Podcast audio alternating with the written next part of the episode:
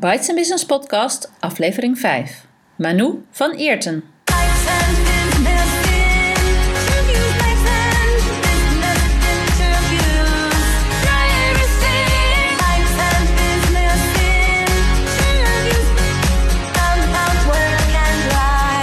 Welkom bij de Bites Business Podcast.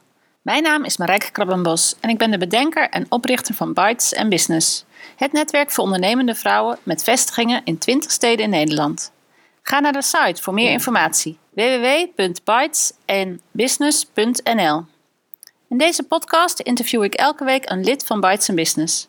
Dit is altijd een ondernemende vrouw in loondienst of zelfstandig werkzaam. Ik interview haar over haar werk en over hoe ze in het leven staat. In aflevering 5 het interview met Manu van Eerten, lid van Bites Business Amsterdam. Manu is teamcoach en loopbaancoach voor twintigers en dertigers. Nou, ik spreek nu met uh, Manu van Eerten. Welkom Manu. Hallo. Hoi. Dankjewel. Um, om jezelf eerst maar even voor te stellen. Wat, uh, wie ben je en wat doe je precies qua werk? Um, ik ben uh, zelfstandig ondernemer. Ik ben teamcoach en loopbaancoach. En dan uh, loopbaancoach ben ik voor 20 en, 30ers. Uh, dat doe ik nu sinds een jaar of vijf. En teamcoaching, dat doe ik in het maatschappelijk domein. Dus uh, voor overheidsorganisaties, maatschappelijke instellingen. Ehm, ja, mensen die hulp verlenen. Die Jij, iets betekenen voor anderen. Jij coacht teams van mensen die hulp verlenen. Ja, ja, dus van organisaties als de gemeente, als overheid, als uh, de zorg, als uh, politie, als brandweer, als nou zo. Ja, en een teamcoach is iemand die met een team een dag op de hei gaat om de teamsprestaties te verbeteren? Kan. Ja, dat zou kunnen. Ja, op de hei kan je zitten, maar je kan ook gewoon bij de organisatie zitten. Uh, en het gaat altijd over samenwerkvraagstukken. Dus ik word vaak uh, geroepen op het moment dat er problemen zijn in een team. Dus het is of dat, een, uh, dat mensen niet goed met elkaar kunnen samenwerken, er is een conflict. Um, of er is een organisatieverandering en mensen moeten wat anders gaan doen dan wat ze deden. nou, zelfsturende teams is heel erg hot. Nou, daar ben ik allemaal mee bezig. Het gaat eigenlijk altijd over hoe kun je mensen beter laten functioneren met elkaar en beter laten samenwerken. En waar een groep mensen bij elkaar is, is er altijd een uitdaging. Dat is altijd moeilijk. Mm. En daar dus, is dus uh, de, de, werkgever die de, uh, die de factuur betaalt, die jou inhuurt. En je zei, ik ja. ben ook loopbaancoach voor twintigers en dertigers. Ja, dat ja dus ik doe twee dingen. Dus ik mm -hmm. doe coaching één op één. Dat doe ik bij de twintig en dertigers.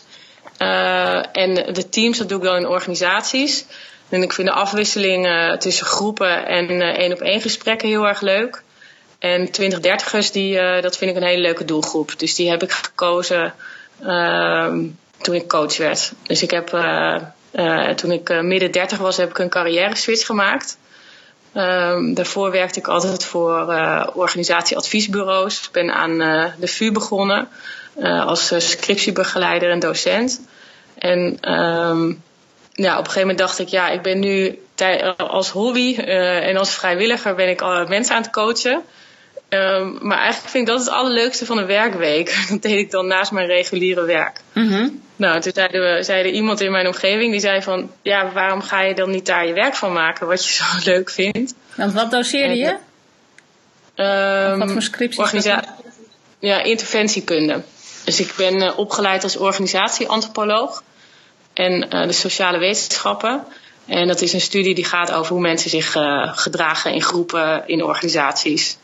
Dus het is een uh, variant op de antropologie. Mm -hmm. En, dus ik was eigenlijk daar altijd al wel mee bezig.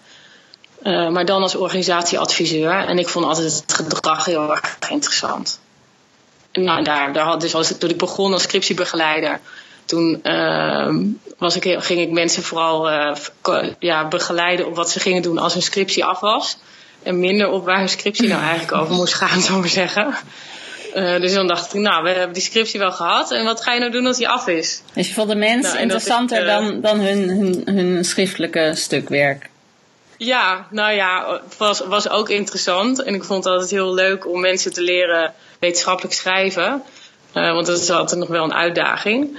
Maar um, ik vond het net zo leuk om te weten wat ga je nou doen als je hiermee klaar bent. Want uh, op de universiteit, uh, ja, je wordt opgeleid tot wetenschappelijk onderzoeker. Maar er zijn maar 2% van de studenten die wordt dat ook daadwerkelijk. Dus dat vond ik eigenlijk altijd een beetje raar in het systeem. Dat is natuurlijk nog steeds zo. Dat wij opleidingen bedenken waar maar 2% van daadwerkelijk gaat uitvoeren. Uh, en ik vond dat altijd heel erg leuk. Dan denk ik, ja, wat gaan nu de mensen doen? Uh, midden twintig ben je dan meestal. En hebben ze jou nodig? Ja. Ik bedoel, hebben ze, hebben ze vragen? Wat, wat, en wat zijn hun vragen dan? Nou, nu in mijn coachpraktijk uh, komen veel mensen. De, dus dat is, er is net een serie gestart over de dolende dertiger. Mm -hmm. wellicht heb je die gezien. En die, die, dat gaat heel erg over vragen rond het dertigersdilemma. En waar mensen mee komen, de aanleiding is bij mij eigenlijk altijd een loopbaanvraagstuk. En um, dus de aanleiding is, ja, ik vind mijn werk niet leuk, of ik ben niet gemotiveerd, of uh, ik, had, ik werk nu een aantal jaar en ik heb nu het gevoel, is dit alles? Um, dus kan jij mij helpen met de vraag, wat wil ik nou echt? En dan ligt een nadruk op echt. En hoe doe je uh, dat dan? Eigenlijk, ja, en dan eigenlijk is er altijd nog wel uh, altijd een link met ook andere vragen. Dus er is altijd nog een vraag op relatievlak. Uh, wil ik uh, met de partner met wie ik ben kinderen krijgen? wil ik überhaupt kinderen? Maar ook de hoge normen die ze aan zichzelf stellen, willen voldoen aan verwachtingen van de maatschappij. Er zit heel veel druk op. Dus mensen slapen slecht, soms zitten ze tegen overspannenheid aan. Uh, of ze hebben dat al eerder meegemaakt en willen dat juist voorkomen. En uh, dus, dus ja, de, de, de dertiger van nu, die is heel mondig en hoog opgeleid. Maar die vindt het heel moeilijk om keuzes te maken en om uh, verantwoordelijkheid om te nemen als die een keuze heeft gemaakt. Want ja, wie kiest, die verliest. Dus ja, dan heb je een keuze gemaakt en dan denk je, ja, maar al die andere dingen dan, mm -hmm, dan kan ik dus mhm. niet meer. Nou, dat vindt de dertiger en de eind twintiger heel erg moeilijk. Hey, maar en, uh, daar ga ik met zo. Ja, en, en zeiden vrienden van jou, god, dat doe je eigenlijk in de vrije tijd en je, wordt, je wordt er zo blij van, waarom doe je het niet voor het echi? En heb je toen een bordje gekocht waar coach op hebt geschreven en toen was je het? Of heb je... Heb je nee, nee. Nee, dus, zoveel zelfvertrouwen had ik niet. Dus het was voor mij een beetje mijn dertigersdilemma.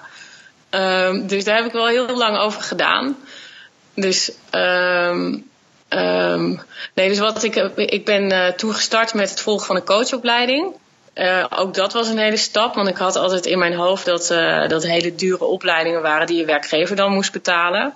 Nou, dat wilde mijn werkgever niet, want die zei: Ja, je bent adviseur, waarom zou je een coachopleiding doen? En um, dus dacht ik: Ja, nou, dan kan ik het ook niet worden. dus, dus zat ik weer vast in mijn dilemma. Uh, dus want daar gaat het dertigersdilemma over. Dat je het denkt dat dingen op een bepaalde manier horen. En er is eigenlijk veel meer mogelijk. En in mijn geval was dat ook zo. Um, want ik had namelijk gewoon geld gespaard voor als ik later groot ben. En uh, ik kon die opleiding ook zelf betalen. Dus dat zei mijn, mijn, inmiddels mijn man. En die zei, waarom betaal je het zelf niet? Je hebt toch geld op je rekening staan? Dat was voor mij een eye-opener. Mm Dat klinkt nu heel logisch, maar toen dacht ik, nou, wat een goed idee. Ja. dat ga ik doen. Ja, dus uh, toen heb ik een opleiding uitgezocht die ik uh, uh, goed vond.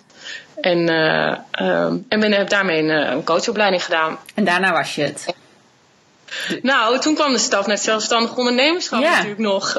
Die je vast ook wel. Ja. Dus toen dacht ik van ja, dan, uh, wat zal ik dan doen? Nou, dus laat ik dan drie dagen in loondienst. Dan heb ik een veilige basis. En dan mijn pensioen en mijn verzekering, daar maakte ik me allemaal heel erg zorgen om. Uh, en dan ga ik daarnaast heel voorzichtig starten met, ja, met kijken of ik klanten kan vinden als coach.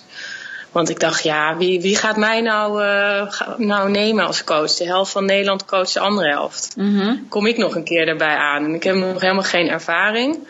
Dus uh, ja, wie zit er nou op mij te wachten? Mm-hmm. Nou, en uh, dat lukte helemaal niet. Want toen moest ik solliciteren op een baan en die ik helemaal niet leuk vond. Dus ik had allemaal afwijzingen en elke vacature vond ik ook helemaal niks aan. Dus dat heeft mij het setje gegeven om, uh, dat was weer mijn man die toen zei, nou waarom ga je er niet gewoon vol voor? Dat zeggen ze toch allemaal, dat je er vol voor moet gaan.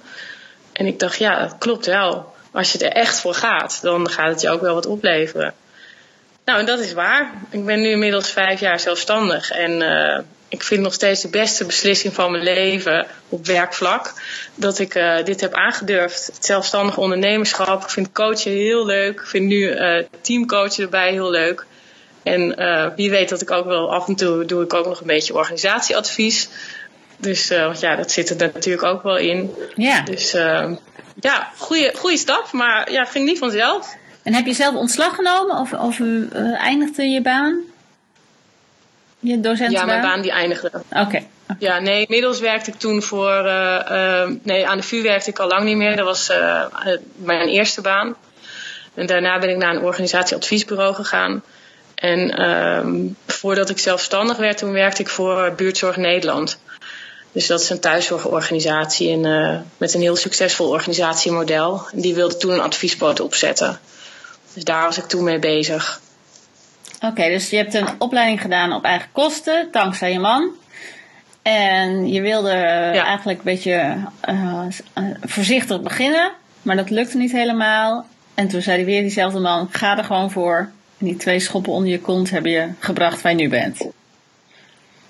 Goeie man. Ja, dat was wel gaaf. Ja. Ja. Ja, ja, ja. Hey, volgens mij ben je blij met wat je doet. Ben je ook al waar je wilt zijn? Of heb je nog uh, grootse plannen? Waar zou je naartoe willen? Nou, ik ben nu bezig met een groot plan. Vertel. dus voor mij is uh, een groot plan is om op reis te gaan met een groep mensen die het leuk vinden om met mij mee te gaan. Um, en uh, dat ben ik nu aan het organiseren. Dus ik ben mijn eerste coachreis aan het organiseren voor dertigers. En hoe ziet die eruit? Ik ga nu, ik ga in november ga ik een proefreis maken naar de woestijn van Zuid-Marokko naar de Sahara. En uh, het idee is dat ik eind maart volgend jaar, dat ik dan met mijn eerste groep ga vertrekken. En wat zie je voor en, je? Uh, ja, wat ik voor me zie is, uh, nou, we gaan slapen in Bedouinententen en kamelen. En dus dat vind ik, ja, lijkt me echt fantastisch om daar te zijn. we gaan naar zonsopgang kijken, ondergang. Dus ik wil echt met een groep mensen weg uit het drukke dagelijkse leven hoop dat mensen ook hun uh, telefoon bij me willen ingeven, inleveren bij uh, aankomst. En als ze dat niet willen, dan zullen ze heel snel merken dat er geen wifi is. dus dat het toch geen zin heeft om hem te houden. En, uh, en op basis daarvan dus in gesprek gaan of uh, aan de slag gaan met ze. Ehm, ja, hoe ze een antwoord kunnen krijgen op die vraag van wat wil ik echt. Mm -hmm. Want ook dat zal een groep zijn die, die met die vraag worstelt. En waarom en dan daar? Is dat omdat je daar echt, uh, ja, daar ga je, ben je helemaal, je bent in een totaal andere cultuur natuurlijk. Uh, dus je moet alles loslaten wat, wat je bekend is. En uh, dat is vaak een eerste oefening. Het loslaten van verwachtingen, van normen, waarden, van culturele context. en ik hoop dat ze dat gaat helpen om te bedenken van, ja, wat wil ik zelf nou? Want vaak is gewoon de stem van het hart is gewoon verstomd door al die, uh, die druk die ze zichzelf opleggen en de prestaties die ze moeten leveren. Uh, en op het moment dat ze die weer horen, en ik hoop dat de stilte van de woestijn uh, hen dat gaat brengen, dat, dat ze dan weer gaan horen dat, dat ze niet alleen een hoofd hebben waar allerlei gedachten uit voortkomen, maar dat er ook in dat lijf wat er onder het hoofd zit, dat er een hart in zit en een buik en dat die ook van alles te melden hebben. Mooi. Ja. En je bent er zelf al geweest? Ja, Zo klinkt mijn. Uh, mijn, mijn droom. Wat zeg je? Ben je er zelf al wel eens geweest? In die woestijn? Nee, ik ben nog niet geweest. Want oh. Ik doe dat in samenwerking met een uh, uh, reisorganisatie die coachreizen organiseert. en dat is voor mij een hele mooie start. Dus op die manier, zij zijn al, hebben daar al eerder reizen naartoe georganiseerd. En er gaat een reisleider mee. Dus ik kan me echt op het coachgedeelte okay. concentreren. En um, dan dus gaat iemand ook die Marokkaans-Nederlands is mee, die taal spreekt. Dus die kan al dat doen. Mm -hmm. um, zodat ik me daar geen zorgen over hoef te maken als mensen vragen van uh, de kraan doet het niet of ja. uh, waar is een vet. Weet ik veel wat. De, de, de reisproblemen, zou maar zeggen. Ja, ja, ja. ja.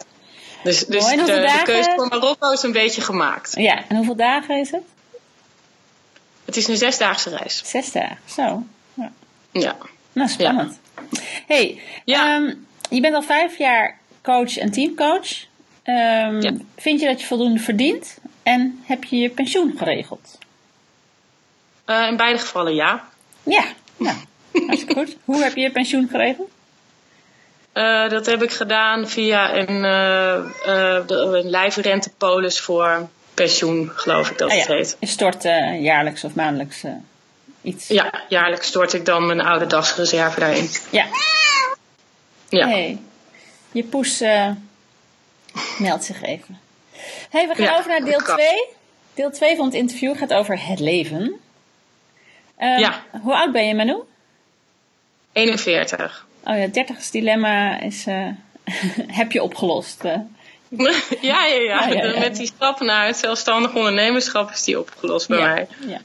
En uh, welke andere rollen speel je in het leven? En hoe verdeel jij je tijd tussen werk en de andere dingen die van jou gevraagd worden? Ik ben moeder van een 2,5-jarige dochter.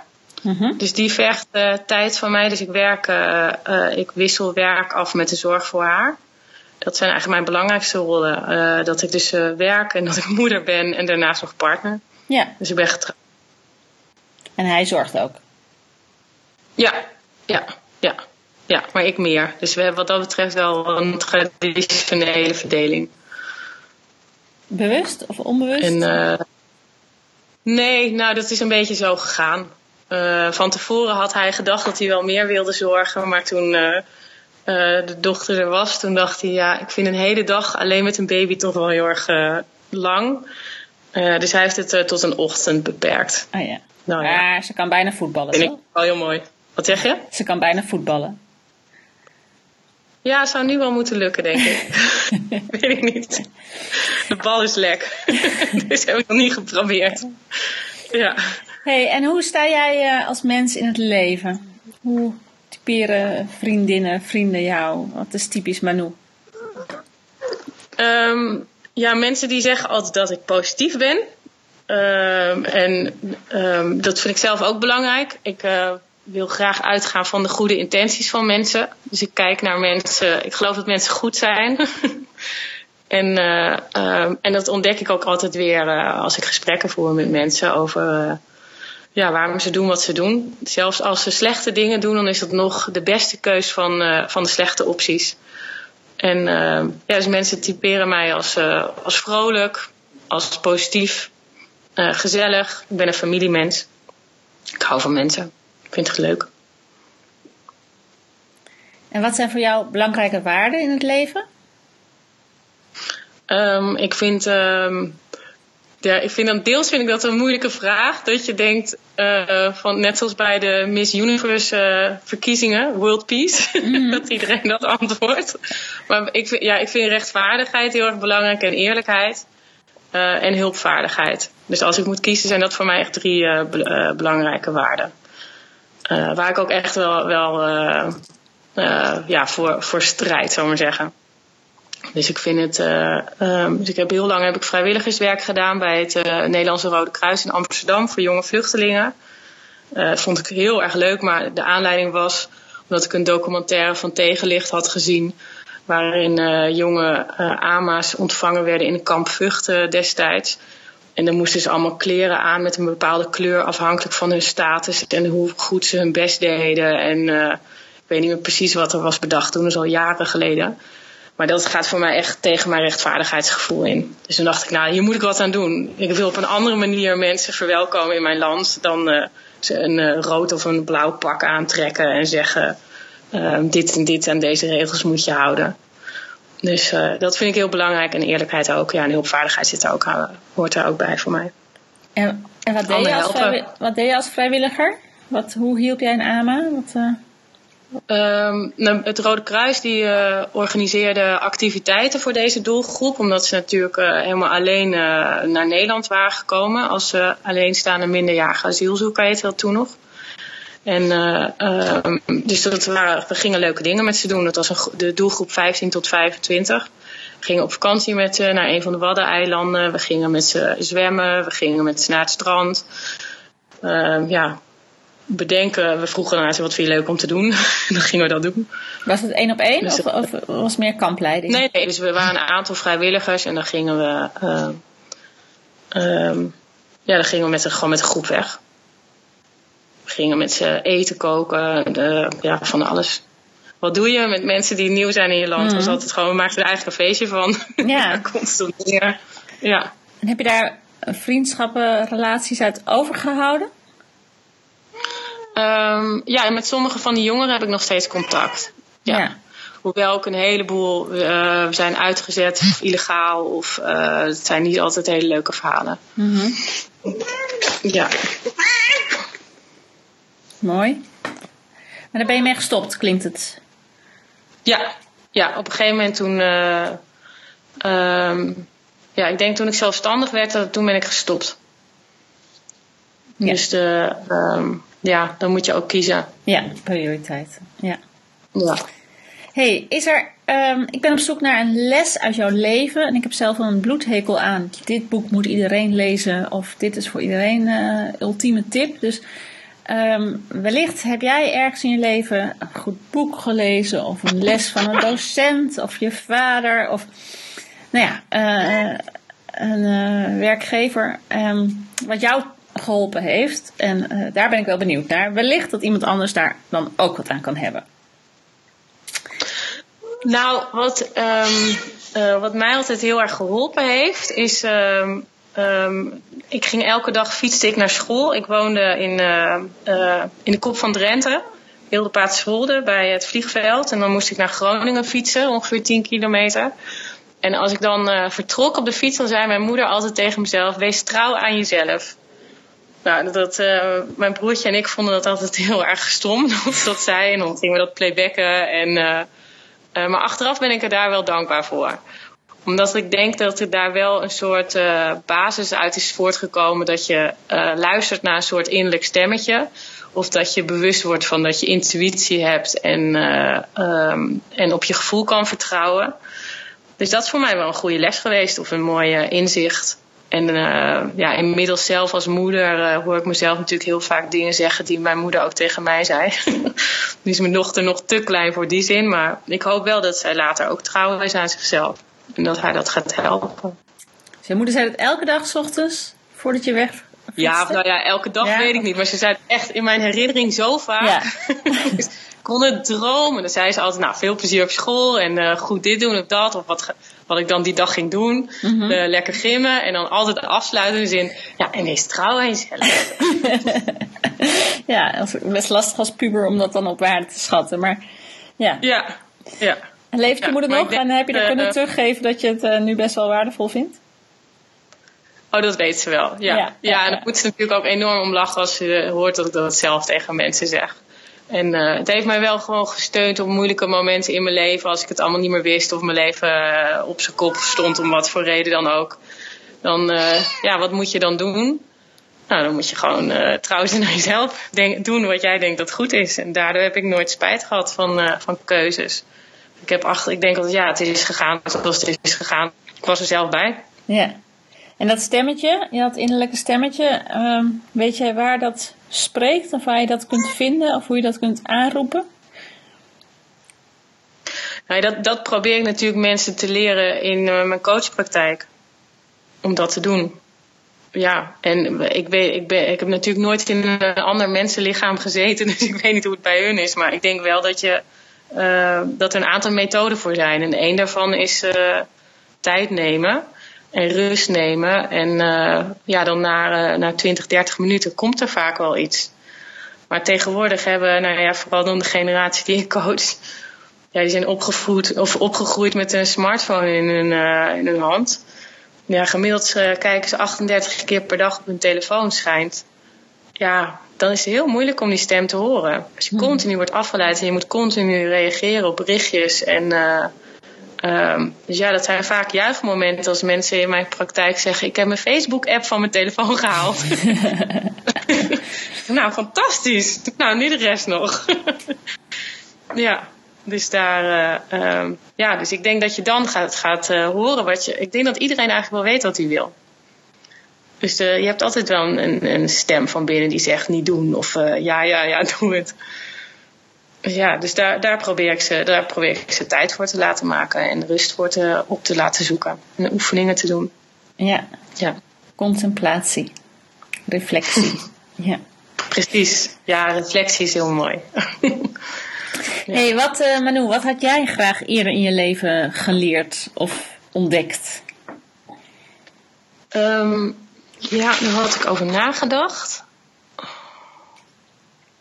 Oh ja, daar, um, want aan de ene kant dacht ik dus bij die vraag van ja, um, als je kijkt naar hoe ik in het leven sta en uh, daarin dus zeg ja, ik heb niet heel erg spijt van keuzes, hoe het is gelopen, dan denk ik ja, um, ik heb niet echt spijt van dingen. Dus hadden dingen anders moeten lopen? Nou, maar weet ik niet.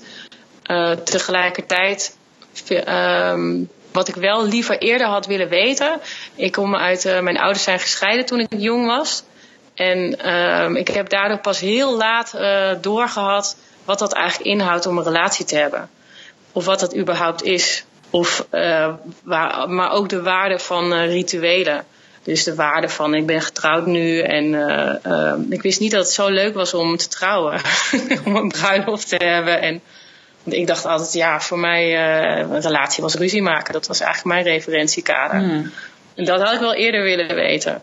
Dat het ook gewoon, uh, daar heb ik heel lang over gedaan om dat te ontdekken. Dat je ook gewoon, ja, dat, dat je eigenlijk voor iets anders kiest dan ja, zoeken of iemand bijpast. Of ja, het is een relatie helemaal niet. Weet ik nu. Ja, mooi. Ja. Ja. En um, hoe voed jij jezelf? En dan bedoel ik dat uh, geestelijk of, of lichamelijk, uh, maar dan niet je buik. Waar haal jij je inspiratie vandaan? Waar krijg je energie van? Um, um, nou, ik haal heel veel uit contacten met mensen. Mm -hmm. Dus uh, leuke mensen ontmoeten en ook durven. Dus dat, daarom vind ik het ondernemerschap ook heel leuk. Dan vind ik iemand heel leuk en inspirerend. En dan durf ik eigenlijk daar niet mee te praten. Want dan uh, zet ik die op een voetstuk. En dan toch daarmee in gesprek gaan. En dan ontdekken dat je een heel leuk gesprek hebt. En dat, uh, daar komt bij mij heel veel inspiratie vandaan. Uh, dat dingen lukken. Dus als mijn coachreis gaat lukken, er komt ook een enorme kick vandaan. Uh, en daarnaast ja, is het, gaat het ook over je vak bijhouden. En naar uh, avonden gaan uh, van, van de beroepsvereniging of uh, naar een seminar of ja, boeken lezen. En als je praat met mensen, dan zeg je dan andere ondernemers, ongeacht wat voor vak ze doen. Maar dan vind je de ondernemersvaardigheden ja. boeiend. nee, niet per se ondernemersvaardigheden. Nee, gewoon meer de, het ontmoeten van mensen. Dus het kan ook zijn ehm, dat je, als ik met een team werk en het lukte om het verder te brengen, of uh, bijvoorbeeld een beter contact met hun leidinggevende te krijgen, of andersom de leidinggevende met het team. Dat vind ik, uh, als dat lukt, dat zijn altijd uh, pareltjes. Hmm. Dus daar komt bij mij altijd enorm veel energie vandaan. En ook dat je denkt, hoe kan het nou dat het gelukt is? En ook van tevoren dat je heel erg aan het nadenken bent van hoe kan je dat bereiken. Um, ja, dan vind ik het sparren met collega's leuk, maar ook ja, als het lukt, dat is gewoon, uh, dat is zoals ja, surfen op een golf. Dan uh, op een surfboard, als je daarop staat en die golf die komt helemaal over je heen. En de golf die neemt je mee. En zonder dat je iets hoeft te doen, behalve je werkt heel hard om je balans te houden. En nou, als je kan surfen op, op de flow van de groep, als het ware, of van het team. Dat vind ik heel, ja, dat is inspiratie to the max, zou ik maar zeggen. Mooi, mooi. En heb je dat dan ook door op het moment zelf? Of is dat dan pas dat je dat nou, achteraf beseft dat je op een golf stond? Nee, als je, als je surft, dan weet je dat. Oké, ik heb dan nooit uh, gesurfd. Jawel, dat weet je. Dan, dan denk je gewoon, hè, alles klopt. Dat, hoe kan het? De golf komt op het goede moment. Je staat op, het goede, op de goede plek op je bord. De wind is goed. Weet je, alles klopt. De, de, dus het is ook iets van uh, ergens dat je argwanend wordt. Van hoe kan dit? Ja. En tegelijkertijd moet je dan ook de kunst verstaan van het genieten. Dat je dus zit in die golf die over je heen komt. En dat je nog steeds op je bord staat en dat je in de golf zit. Je kent die foto's vast wel. Ja, ja, ja. Ja, dus nou, dat, dat is ook met, uh, met een groep. Dat kan in een groep ook, dat, dat iedereen dat heeft. En uh, ja, dat, als dat lukt, ja, ja, daar ga ik voor. Ja, mooie metafoor. Ja. ja. En heb je ook een motto in het leven? En zo ja, wat is het verhaal erachter? Mm. Ja, ik denk toch, um, dat is ook wat ik eerder al zei. Een, uh, um, als je uitgaat van goede intenties van mensen, dan ontdek je heel veel hoe, waarom dingen zo zijn zoals ze zijn. En uh, um, ja, daar ga ik vanuit. Dus dat, uh, dat is mijn motto. Ga uit van de goede intenties van de ander en probeer ze te ontdekken. Mm -hmm, En, en hoe uitzicht dat in jouw dagelijks leven? Uh, veel vragen stellen. ja, dus nieuwsgierig daardoor, uh, zijn. ja. ja, heel nieuwsgierig zijn, maar ook onderzoekend zijn. Uh, durven vragen naar, naar taboes of on, onbekende paden betreden. maar ook gaan naar plekken die je niet kent, zoals de woestijn van Zuid-Marokko. Dat, ehm, ja, daardoor, daardoor ontdek je dingen die je anders niet zou ontdekken. En ja, dat vind ik het allerleukste uit het leven. Daar haal ik heel veel plezier uit. Mooi, ja. Hey, tot slot, laatste drie vragen. Um, over netwerken en Bites Business. Wat is netwerken voor jou? Voor mij is dat, uh, ja, dat, voor mij is dat mensen ontmoeten. Dat is netwerken. Andere mensen ontmoeten en uh, gewoon met ze in gesprek gaan en kijken of je een klik hebt. En uh, ja, en meestal als je een klik hebt, dan, dan, uh, dan wil je elkaar weer vaker zien. En, dat, zijn dus, ja, dat zijn dus bijeenkomsten die heten netwerkbijeenkomst, maar dat zijn dan voor jou denk ik ook feestjes, uh, bushaltes. Uh, ja, ja, maar dat zie, ik zie het ook niet zozeer. Voor mij is het zo lo logisch om. ja, even, bij, bij netwerken, dat ga, ja, daar zit het woord al in, dan ben je aan het werk. En ehm, ja, eh, ik was laatst was ik bij de bakker en er staat een, een, bakje of een bankje voor. En aan de andere kant zat ook een, een, dame een broodje te eten. En ik was met mijn dochter en we raakten aan de praat. En zij was ook een moeder, vertelde ze. En op een gegeven moment hadden we het toch over werk. Op de, ik weet niet eens meer hoe dat gebeurde. En op het einde van het gesprek wilden ze mijn kaartje hebben. Ja, was ik aan het netwerken. Ja. Ik was een broodje met mijn dochter aan het eten. Ja. Zij ook. Maar ja, er ontstond wel eventjes een verbinding en uh, uh, een netwerkje wat dat betreft. Ja, ja. Ja. Maar je stuurt het was zelf, Ja, je stuurt natuurlijk vaak zelf wel het gesprek wel richting wat doe je? Of alleen maar over de smaak van het broodje. Daar ben je natuurlijk zelf bij. Dus ik denk dat als je een beetje bewuste netwerker bent, dan, dan vertel je natuurlijk dingen die je graag wil vertellen en die wellicht zakelijk ook interessant kunnen zijn. Ja, ja dat ben ik met je eens. Ja. ja. Hey, we hebben nog niet jouw website genoemd. Waar kunnen mensen meer over jou en jouw coachreis naar de Zuid-Marokkaanse Sahara vinden? Want dat klinkt natuurlijk wel heel spannend. Ja, ja je, je bent al geen dertig meer, anders zou je zo mee mogen. uh, maar er zijn ook andere reizen voor 40ers en 50ers. Uh, maar dan door andere coaches begeleid. Uh, mijn website is www.mecompany.nu. En me is ME, want mijn naam is Manu van Eerten. Dus www.mecompany.nu. En er staat al wat informatie over de reis? Ja, ja, ja. Gaat, uh, gaat over me, over mij. Ja. dus ja, er staat, van, er staat iets over uh, mijn individuele coaching, over de teamcoaching en over de reis ook. Nou, hartstikke mooi. En werk jij alleen in Amsterdam en omsteken of uh, maakt het jou niet uit waar? Ja, nou, ik, ik woon in Amsterdam en sinds mijn dochter is geboren heeft mijn voorkeur ook regio Amsterdam. Maar ik heb ook uh, nu op dit moment een opdracht in Friesland. En uh, ja, als het niet meer dan anderhalf uur rijden is, dan uh, ga ik overal heen. Helder. Oké. Okay. Ja. Dankjewel Manu voor dit mooie interview. Nou, ik vond het heel erg leuk om mee te doen. Dus tot je dienst. Jij bedankt. Dit was aflevering 5 van de Bites Business podcast. Ga naar de site van Bites Business om de aantekeningen bij dit interview te vinden. In de volgende aflevering is Linda Thuis mijn gast. Zij is grafisch ontwerper en marketingadviseur voor bed and breakfast ondernemers en lid van Bites Business Zwolle. Heel veel dank voor het luisteren. Abonneer je op de podcast, zodat je geen aflevering hoeft te missen. En ben je nog geen lid van Bites Business? Kom dan gerust een keer meedoen op een van de netwerkdiners in het land.